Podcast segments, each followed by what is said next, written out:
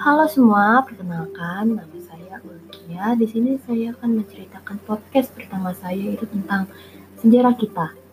Nah, maksud dari sejarah kita itu uh, bukan sejarah tentang sejarah kita aku dan dia ya, beda lagi loh. Tapi maksud sejarah kita ini yaitu tentang sejarah Republik Indonesia. Mungkin kalian semua sudah mengetahui kan sejarah Republik Indonesia karena kita sudah mempelajarinya dari sekolah dasar, sekolah menengah pertama, sekolah menengah atas, hingga perguruan tinggi. Dan itu umum ya pengetahuannya. Lalu uh, mungkin sini saya akan menceritakan tentang sejarah awalnya sejarah kita yaitu sejarah Republik Indonesia sampai dengan sekarang. Yuk, langsung kita dengarkan. Sejarah Indonesia meliputi suatu rentang waktu yang sangat panjang yang dimulai sejak zaman prasejarah. Berdasarkan penemuan manusia Jawa yang berusia satu setengah tujuh tahun yang lalu. Sejarah Indonesia uh, sudah ada pada zaman prasejarah teman-teman karena ditemukan kan sudah ditemukan oleh manusia karena ditemukannya manusia Jawa. Dan selanjutnya periode sejarah Indonesia dapat dibagi menjadi lima era yaitu era prakolonial, munculnya kerajaan Hindu-Buddha dan Islam di Jawa, Sumatera, dan Kalimantan, yang terutama mengandalkan perdagangan. Era kolonial masuknya orang-orang Eropa, terutama Belanda, Portugis, dan Spanyol, yang menginginkan rempah-rempah Indonesia, karena rempah-rempah Indonesia itu sangat kaya. Mengakibatkan penjajahan oleh Belanda sekitar tiga setengah abad antara awal abad ke-17 hingga pertengahan abad ke-20. Selanjutnya ada era kemerdekaan awal, pasca proklamasi kemerdekaan Indonesia pada tahun 1945 sampai jatuhnya Soekarno pada tahun 1966. Selanjutnya ada era Orde, Orde Baru, 30 tahun masa pemerintahan Soeharto pada tahun 1966 hingga 1998, serta Orde Reformasi yang berlangsung sampai dengan sekarang ini. Kita akan membahas tentang prasejarah Indonesia yaitu secara geologi. Wilayah Indonesia modern untuk kemudahannya kita biasa disebut Nusantara ya. Merupakan pertemuan antara tiga lempeng gunung utama yaitu ada lempeng Eurasia, lempeng Indo-Australia, dan lempeng Pasifik. Kepulauan Indonesia seperti yang ada saat ini terbentuk pada saat meledahnya es setelah berakhirnya zaman es sekitar 10.000 tahun yang lalu. Sangat lama sekali teman-teman. Pada masa Pleistocene, ketika masih terhubung dengan Asia daratan, maksud, masuklah pemukiman pertama. Bukti pertama yang menunjukkan penghuni awal adalah fosil-fosil Homo erectus manusia Jawa pada masa 2 juta hingga 500 ribu tahun yang lalu. Penemuan sisa-sisa manusia Flores atau yang disebut dengan Homo floresiensis Homo floresiensi maksud saya di liang buah Flores membuka kemungkinan masa bertahan Homo erectus hingga masa zaman X terakhir. Yaitu selanjutnya ada Homo sapiens pertama yang diperkirakan masuk ke Nusantara sejak 100.000 tahun yang lalu melewati jalur pantai Asia dari Asia Barat. Dan pada sekitar 60.000 sampai 70.000 tahun yang lalu telah mencapai Pulau Papua dan Australia. Mereka yang berfenotipe kulit gelap dan rambut ikal rapat menjadi nenek moyang penduduk asli Melanesia atau termasuk dengan Papua sekarang dan membawa kultur kapak lonjong pada masa Paleolitikum. Gelombang pendatang bahasa Austronesia dengan kultur Neolitikum datang secara bergelombang sejak 3000 sebelum Masehi dari Cina Selatan. Melalui Formosa dan Filipina membawa kultur beliung persegi atau kebudayaan Dongson. Proses migrasi ini merupakan bagian pendudukan Pasifik. Kedatangan gelombang penduduk berciri Mongoloid ini cenderung ke arah barat, mendesak penduduk awal ke arah timur atau berkawin campur dengan penduduk setempat dan menjadi ciri fisik penduduk Maluku serta Nusa Tenggara. Pendatang ini membawa serta teknik-teknik pertanian termasuk bercocok tanam, tanaman padi di sawah atau bukti paling lambat sejak abad ke-8 sebelum Masehi yaitu ada peternak kebau, pengolahan perunggu dan besi. Teknik tenun ikat praktik-praktik megalitikum, serta pemujaan roh-roh yang disebut dengan animisme, serta benda-benda keramat yang disebut dengan dinamisme. Pada abad pertama sebelum Masehi sudah terbentuk permukiman-permukiman serta kerajaan-kerajaan kecil dan sangat mungkin sudah masuk pengaruh kepercayaan dari India akibat hubungan perniagaan.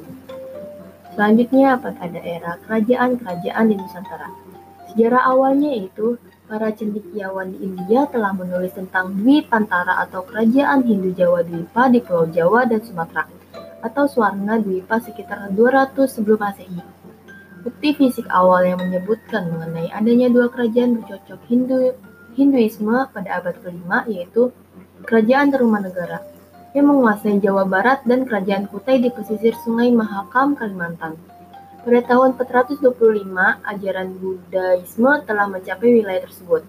Nusantara telah mempunyai warisan peradaban berusia ratusan tahun dengan dua imperium besar, yaitu Sriwijaya di Sumatera pada abad ke-7 hingga ke abad 14 dan Majapahit di Jawa pada abad ke-13 sampai abad ke-16.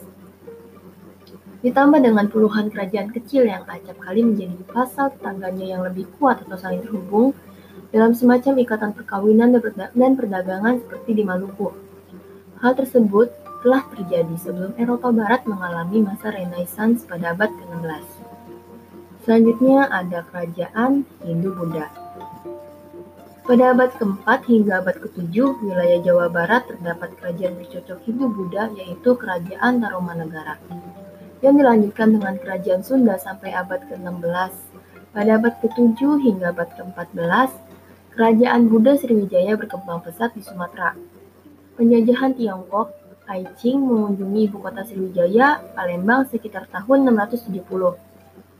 Pada puncak kejayaannya, Sriwijaya menguasai daerah sejauh Jawa Barat dan Semenanjung Melayu abad ke-14, juga menjadi saksi bangkitnya sebuah kerajaan Hindu di Jawa Timur yaitu Majapahit. Pati Majapahit antara tahun 1331 hingga 1364, Gajah Mada berhasil memperoleh kekuasaan atas wilayah yang kini sebagian besarnya adalah Indonesia, beserta hampir, hampir seluruh Semenanjung Melayu. Warisan dari masa Gajah Mada termasuk kodifikasi hukum dan dalam kebudayaan Jawa seperti yang terlihat dalam Wiracarita Ramayana. Selanjutnya ada kerajaan dan kesultanan Islam. Kesultanan sebagai sebuah pemerintah oleh penguasa muslim hadir di Indonesia pada abad ke-12 dan membangun tamadun. Namun sebenarnya Islam sudah masuk ke Indonesia pada abad ke-7 Masehi. Saat itu sudah ada jalur pelajaran yang ramai dan bersifat internasional melalui Selat Malaka yang menghubungkan dinasti Tang di Tiongkok, Sriwijaya, di Asia Tenggara, dan Bani Umayyah di Asia Barat sejak abad ke-7. Menurut sumber-sumber Cina, zaman dinasti Tang menjelang akhir perempatan ketiga abad 7, seorang pedagang Arab menjadi pemimpin pemukiman Arab Muslim di pesisir pantai Sumatera. Islam pun memberikan pengaruh kepada institusi politik yang ada, Hal ini tampak pada tahun 1000 pada tahun maaf pada tahun 100 Hijriah atau 718 Masehi Raja Sriwijaya Jambi yang bernama Srindra Farman mengirim surat kepada Khalifah Umar bin Abdul Aziz dari kekhalifahan Bani Umayyah meminta dikirimkan dari dai yang bisa menjelaskan Islam kepadanya. Suratnya itu berbunyi dari raja di raja yang adalah keturunan seribu raja dan istrinya juga cucu seribu raja yang di dalam kandang binatangnya terdapat seribu gajah, yang di wilayahnya terdapat dua sungai yang mengaringi pohon gaharu. Bumbu-bumbu pewangian, pala dan dapur barus yang semerbak wanginya hingga menjarak menjangkau jarak 200 2, maaf, 12 mil. Kepada Raja Arab yang tidak Tuhan-Tuhan lain dengan Allah. Saya telah mengirimkan kepada Anda hadiah yang sebenarnya merupakan hadiah yang ketidak begitu banyak, tetapi sekadar tanpa tanda persahabatan. Saya ingin Anda mengirimkan kepada saya seseorang yang dapat mengajarkan Islam kepada saya dan menjelaskan kepada saya tentang hukum-hukumnya. Dua tahun kemudian, yakni tahun 720 Masehi, Raja Srindra Farman yang memulai yang, yang semulanya Hindu masuk Islam. Sriwijaya Jambi pun dikenal dengan nama Sri Buza Islam. Sayangnya pada tahun 730 Masehi, Sriwijaya Jambi ditawan oleh Sriwijaya Palembang yang masih, yang masih menganut agama Buddha. Islam terus mengokoh menjadi institusi politik yang mengembangkan Islam. Misalnya sebuah kesultanan Islam bernama Kesultanan Peureulak didirikan pada 1 Muharram 225 Hijriah atau 12 November 839 Masehi. Contoh lain adalah Kesultanan Ternate. Islam masuk ke kerajaan Kepulauan Maluku di tahun 1440. Rajanya seorang muslim bernama Bayanullah. Kesultanan, Kesultanan Islam kemudian semakin menyebar di berbagai ajaran ke penduduk dan melalui pembaruan. Penggantian Hindu dan Buddha sebagai kepercayaan utama pada akhir abad ke-16 di Jawa dan Sumatera, hanya Bali yang tetap mempertahankan mayoritas Hindu.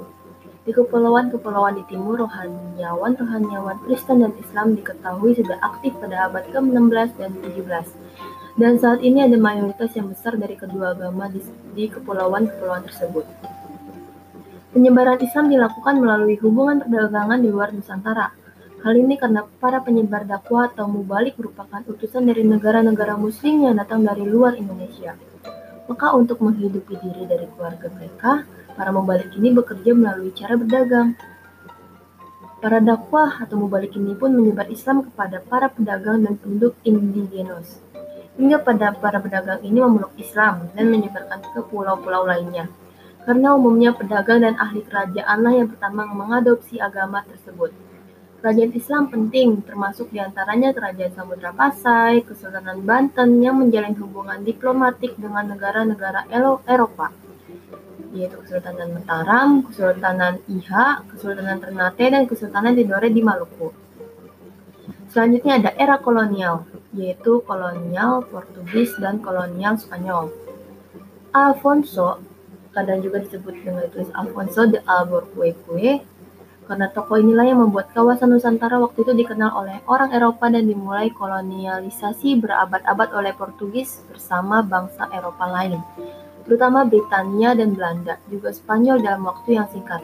Dari Sungai Tajo yang bermuara ke Samudra Atlantik itulah armada Portugis mengarungi Samudra Atlantik yang mungkin memakan waktu sebulan hingga tiga bulan, melewati Tanjung Harapan di Afrika menuju Selat Malaka.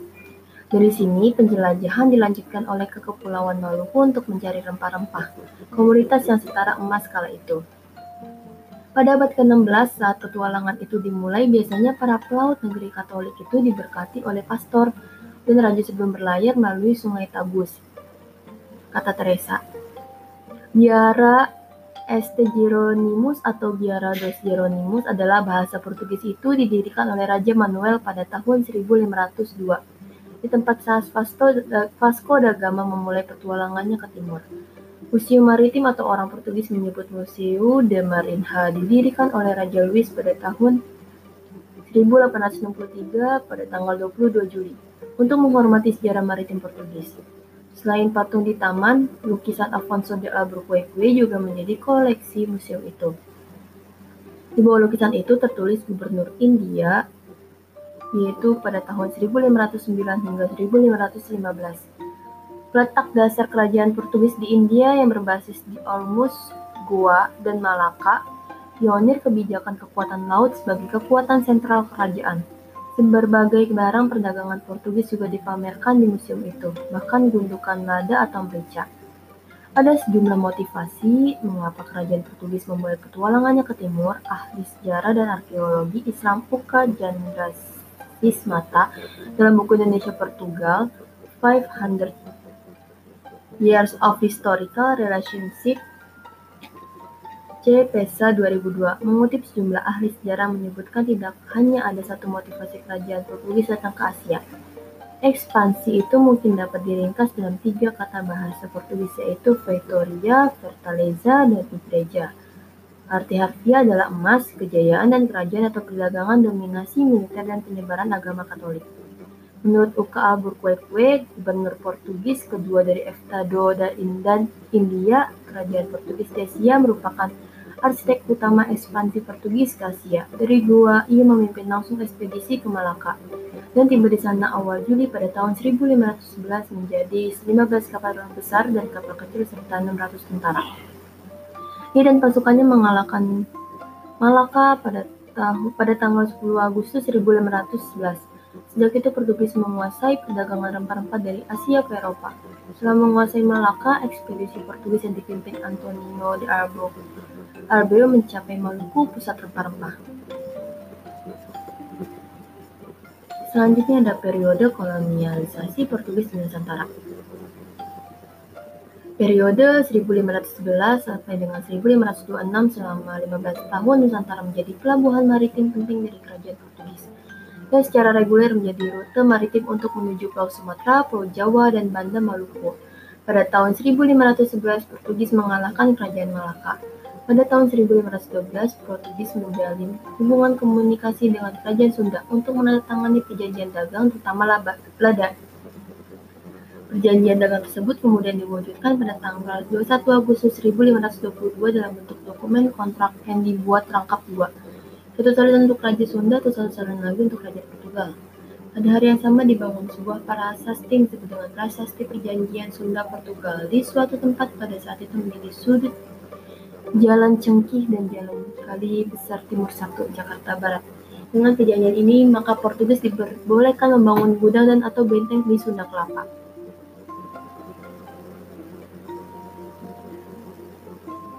Pada tahun 1512 juga Alfonso de Albuquerque mengirim Antonio Abreu dan Francisco Serrao untuk memimpin armada yang mencari jalan ke tempat asal rempah-rempah di Maluku. Sepanjang perjalanan mereka singgah di Madura, Bali, dan Lombok. Dengan menggunakan nahkoda-nahkoda Jawa, armada itu tiba di Kepulauan Belanda, Banda terus menuju Maluku Utara hingga tiba di Ternate. Kehadiran Portugis di perairan dan kepulauan Indonesia telah meninggalkan jejak-jejak sejarah yang sampai hari ini masih dipertahankan oleh komunitas lokal di Nusantara, khususnya Flores, Solar, dan Maluku. Di Jakarta, Kampung Tugu terletak di bagian utara Jakarta antara Kali Capung, Kali atau Pantai Cilincing, dan Tanah Marunda. Bangsa Eropa pertama yang menemukan Maluku dan Portugis pada tahun 1512 pada waktu itu armada Portugis. Masing-masing di bawah pimpinan Antonio de Abreu dan Francisco Serrao mendarat di Kepulauan Banda dan Kepulauan Penyu. Setelah mereka menjalin persahabatan dengan penduduk raja-raja setempat seperti dan kerajaan Ternate di Pulau Ternate. Portugis diberi izin untuk mendirikan benteng di Picauli, begitu pula negeri Hitu Lama dan Mamala di Pulau Ambon. Namun hubungan dagangan rempah-rempah ini tidak berlangsung lama karena Portugis menerapkan sistem monopoli sekaligus melakukan penyebaran agama Kristen. Kemudian mereka membangun benteng di Ternate pada tahun 1511. Kemudian pada tahun 1512 membangun benteng di Amurang, Sulawesi Utara. Portugis kalah perang dengan Spanyol, maka daerah Sulawesi Utara diserahkan dalam kekuasaan Spanyol pada tahun 1560 hingga 1660. Kerajaan Portugis kemudian dipersatukan dengan Kerajaan Spanyol. Kolonial Portugis Indonesia oleh David D.S. Lumoindong abad 17 datang armada dagang VOC atau Belanda yang kemudian berhasil mengusir Portugis dari Ternate. Hingga kemudian Portugis mundur dan menguasai Timur-Timur sejak tahun 1519. Kolonialisme dan imperialisme mulai merebak di Indonesia sekitar abad ke-15, yaitu diawali dengan Prada ada pendaratan bangsa Portugis di Malaka dan bangsa Belanda yang dipimpin oleh Cornelis de Houtman pada tahun 1596 untuk mencari sumber rempah dan berdagang. Di situ mulai penjajahan ya teman-teman. Lalu perlawanan rakyat terhadap Portugis. Kedatangan, kedatangan bangsa Portugis menanjung Malaka ke Pulau Maluku merupakan perintah dari negara untuk berdagang. Itu ada terdapat perlawanan rakyat Minahasa terhadap Portugis, perlawanan rakyat Malaka terhadap Portugis, perlawanan rakyat Aceh terhadap Portugis, serta perlawanan rakyat Maluku terhadap Portugis. Garis waktu kolonialisasi Eropa di Indonesia Kolonialisasi Spanyol pada tahun 1521 Spanyol mendarat di Sulawesi Utara. Pada tahun 1560, Spanyol mendirikan pos di Manado. Pada tahun 1617, gerakan perlawanan rakyat Minahasa di Sulawesi Utara untuk mengusir kolonial Spanyol. Pada tahun 1646, Spanyol diusir dari Minahasa dan Sulawesi Utara. Tahun selanjutnya Spanyol masih mencoba memengaruhi kerajaan sekitar untuk merebut kembali Minahasa, tapi gagal terakhir dengan mendok mendukung Bolang Mangondong yang berakhir pada tahun 1692. Kolonial Portugis itu pada tahun 1509 sampai dengan 1520. 1509 Portugis tiba di pertama kali di Malaka dan 1520 Aceh memulai menguasai pantai timur laut Sumatera. Rakyat Bali menyerang Lombok, para pedagang Portugis mulai mengunjungi Flores dan Solor, banjir di Kalimantan menjadi kesulitan Islam. Pada tahun 1521 sampai dengan 1530, itu ada Uns memimpin armada dari Demak dan Cirebon melawan orang-orang Portugis di Melaka, dan Unus terbunuh dalam pertempuran Trenggono menjadi Sultan Demak. Dan selanjutnya pada tahun 1530 Salahuddin menjadi Sultan Aceh. Surabaya dan Pasuruan takluk pada Demak. Kemudian Demak merebut Gambangan, kerajaan Hindu terakhir di ujung timur Jawa. Gua mulai meluas dari Makassar, Banten memperluas pengaruhnya atas Lampung. Pada tahun 1531 sampai dengan 1540, Serangan besar Portugis terhadap Johor dan Portugis berhubungan dengan Gua Kesultanan Butung didirikan. Pada tahun 1541 dengan 1550 Demak menaklukkan Malang, Goa membangun benteng di ujung pandang. Pada tahun 1551 dengan sampai dengan 1560 yaitu Johor menyerang Portugis Melaka dengan bantuan armada Ratu Kalinyamat dari Jepara.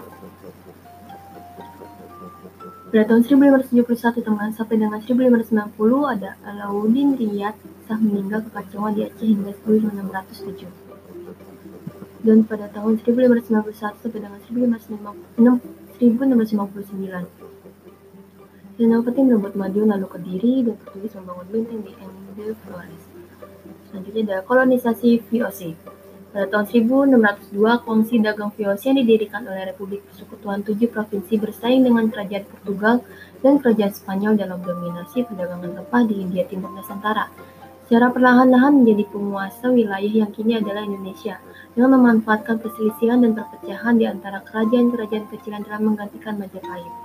VOC berhasil mengeliminasi kongsi dagang IEC yang didirikan oleh Kerajaan Inggris yang bertahan 20 hingga 1824, satu-satunya kolonial Portugal yang masih bertahan hingga abad 20 adalah Timor Portugis, yang tetap dikuasai Portugal hingga 1575. Pada abad ke-17 dan ke-18, Hindia Belanda tidak mau dikuasai secara langsung oleh pemerintah Belanda, namun oleh perusahaan dagang bernama Perusahaan India Timur Belanda pada Bahasa Belanda itu Verenigde Oost-Indische Company atau VOC. Telah didirikan hak monopoli terhadap perdagangan dan aktivitas kolonial di wilayah tersebut. Fungsi dagang VOC yang dilanjutkan pemerintah kolonial Belanda mendominasi Indonesia hampir 350 tahun, yaitu antara 1602 hingga 1945, kecuali suatu masa pendek di masa sebagian kecil dari Indonesia dikuasai oleh Britania. Tujuan utama VOC adalah mempertahankan monopolinya terhadap perdagangan dan perempah di Nusantara. Hal ini dilakukan melalui penggunaan dan ancaman kekerasan terhadap penduduk di kepulauan-kepulauan penghasil rempah-rempah dan terhadap orang-orang non-Belanda yang mencoba berdagang dengan para penduduk tersebut. Contohnya, ketika penduduk kepulauan Belanda terus menjual biji pala kepada pedagang Inggris, pasukan Belanda membunuh atau mendeportasi hampir seluruh populasi dan kemudian mempopulasikan Pulau-pulau tersebut dengan pembantu-pembantu atau budak yang bekerja di, per, di perkebunan pala. Selanjutnya ada kolonisasi pemerintah Belanda, yaitu ada era Napoleon pada tahun 1800 sampai dengan 1811, yaitu ada lagi Imperium Britania pada tahun 1811 hingga 1816, hingga pemerintahan kerajaan Belanda sejak 1816, yaitu selanjutnya ada gerakan nasionalisme, itu pada tahun 1905. Gerakan nasionalis yang pertama, Serikat Dagang Islam dibentuk dan kemudian diikuti pada tahun 1908 oleh gerakan nasionalis berikutnya yaitu Budi Utomo. Belanda merespon hal tersebut setelah Perang Dunia I dengan langkah-langkah penindasan. Para pemimpin nasionalis berasal dari kelompok kecil yang terdiri dari profesional muda dan pelajar yang beberapa di antaranya telah dididik di Belanda. Banyak dari mereka yang dipenjara karena kegiatan politis termasuk Presiden Indonesia yang pertama yaitu Soekarno. Perang Dunia II yaitu pada Mei 1940. Awal Perang Dunia II, Belanda diduduki oleh Nazi Jerman. Hindia Belanda mengumumkan keadaan siaga dan di Juli mengalihkan ekspor untuk Jepang ke Amerika Serikat dan Britania. Negosiasi dengan Jepang yang bertujuan untuk mengamankan kesediaan bahan bakar pesawat gagal di Juni 1941 dan Jepang memulai penaklukan Asia di Tenggara di bulan Desember pada yang sama, faksi dari Sumatera menerima bantuan Jepang untuk mengadakan revolusi terhadap pemerintah Belanda, masukan Belanda yang terakhir dikalahkan pada Jepang pada tahun 1942. Penduduk Jepang, pendudukan Jepang pada, pada Juli 1942, Soekarno menerima tawaran Jepang untuk mengadakan kampanye publik dan membantu pemerintah juga dapat memberikan jawaban terhadap kebutuhan militer Jepang. Pada Maret 1945, Jepang membentuk Badan Penyelidik Usaha Persiapan Kemerdekaan Indonesia atau yang disebut dengan BPUPKI pada pertemuan pertama di bulan Mei yaitu SPOMO membicarakan integrasi nasional dan melawan individualisme perorangan. Sementara itu Muhammad Yamin mengusulkan bahwa negara baru tersebut juga sekaligus mengklaim Sarawak, Sabah Malaya, Portugis Timur, dan seluruh wilayah India Belanda sebelum perang. Pada tahun 9, eh, pada tanggal 9 Agustus 1945, Soekarno-Hatta dan Rajiman Widoyoningrat diterbangkan ke Vietnam untuk bertemu dengan Marshal Terauchi. Mereka dikabarkan bahwa pasukan Jepang sedang menuju kehancuran tetapi Jepang menginginkan kemerdekaan Indonesia pada tanggal 24 Agustus. Selanjutnya daerah kemerdekaan, yaitu proklamasi kemerdekaan pada tanggal uh, pada tanggal 16 Agustus Soekarno membacakan proklamasi pada hari berikutnya mohon maaf pada keputusan 16 Agustus Soekarno membacakan proklamasi pada tahun eh, pada tanggal 17 Agustus pada akhir hari berikutnya. Kabar mengenai proklamasi penyebaran melalui radio dan selebaran sementara masukan militer Indonesia masih pada perang.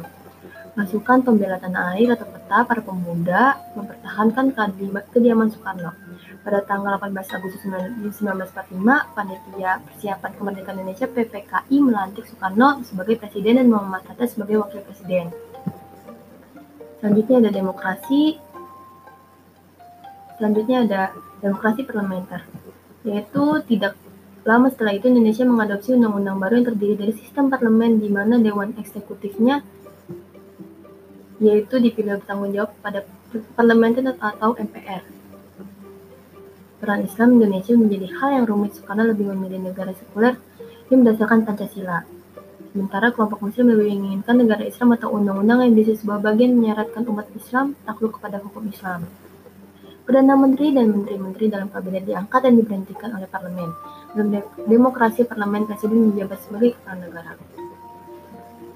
Tentunya ada demokrasi terpimpin yaitu pemberontakan yang gagal di Sumatera, Sulawesi, Jawa Barat, dan pulau-pulau lainnya dimulai sejak tahun 1958. Tambah dengan kegagalan MPR untuk mengembangkan konstitusi baru.